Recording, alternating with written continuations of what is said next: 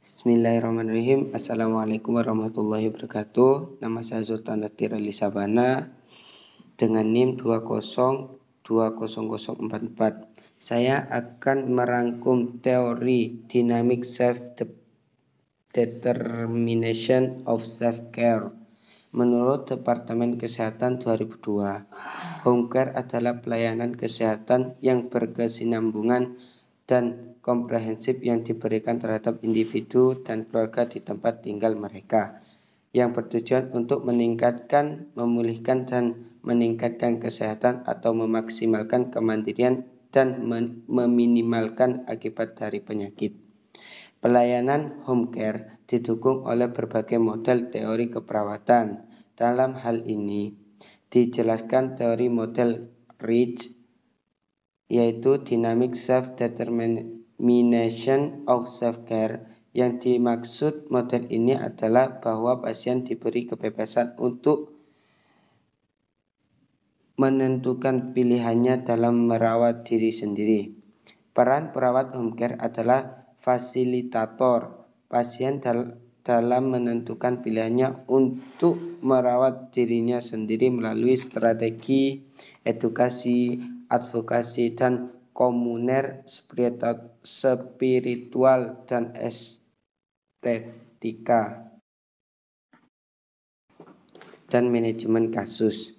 Dalam, dalam hal menunjukkan pencapaian tujuan, hubungan antara perawat dan pasien menjadi dan pengasuh bergerak dari ketergantungan menjadi saling ketergantungan dan kemandirian atau pengasuh dependent, interdependent, dan independent.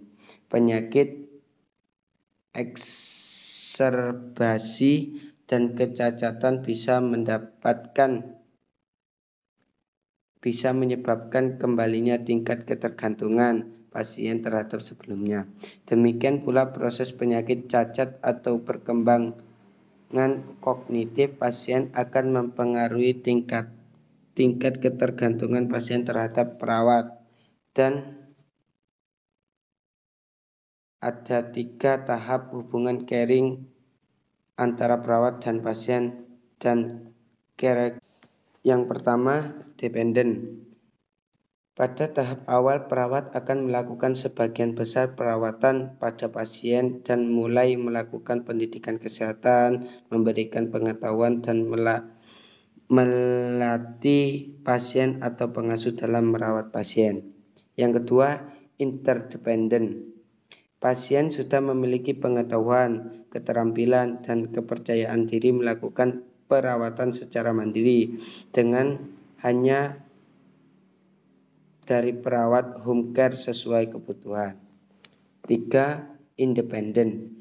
Pasien atau perawat sudah mandiri melakukan aktivitas perawatan diri dengan interferensi minimal dari perawat. The dynamic self-determination for self-care memiliki beberapa permis sebagai berikut.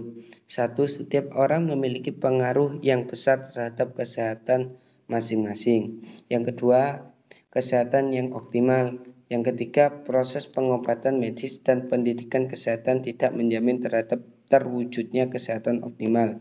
Yang keempat, pasien adalah wujud holistik sepanjang rentang kehidupan. Lima, partisipasi pasien dalam perencanaan keperawatan dan keberhasilan pengelolaan kebutuhan keperawatan kesehatan di rumah merupakan hasil dari penentu mandiri se secara dinamis terhadap perawatan diri klien. 6. Terjadi kerjasama antara perawat, pasien, dan pengasuh.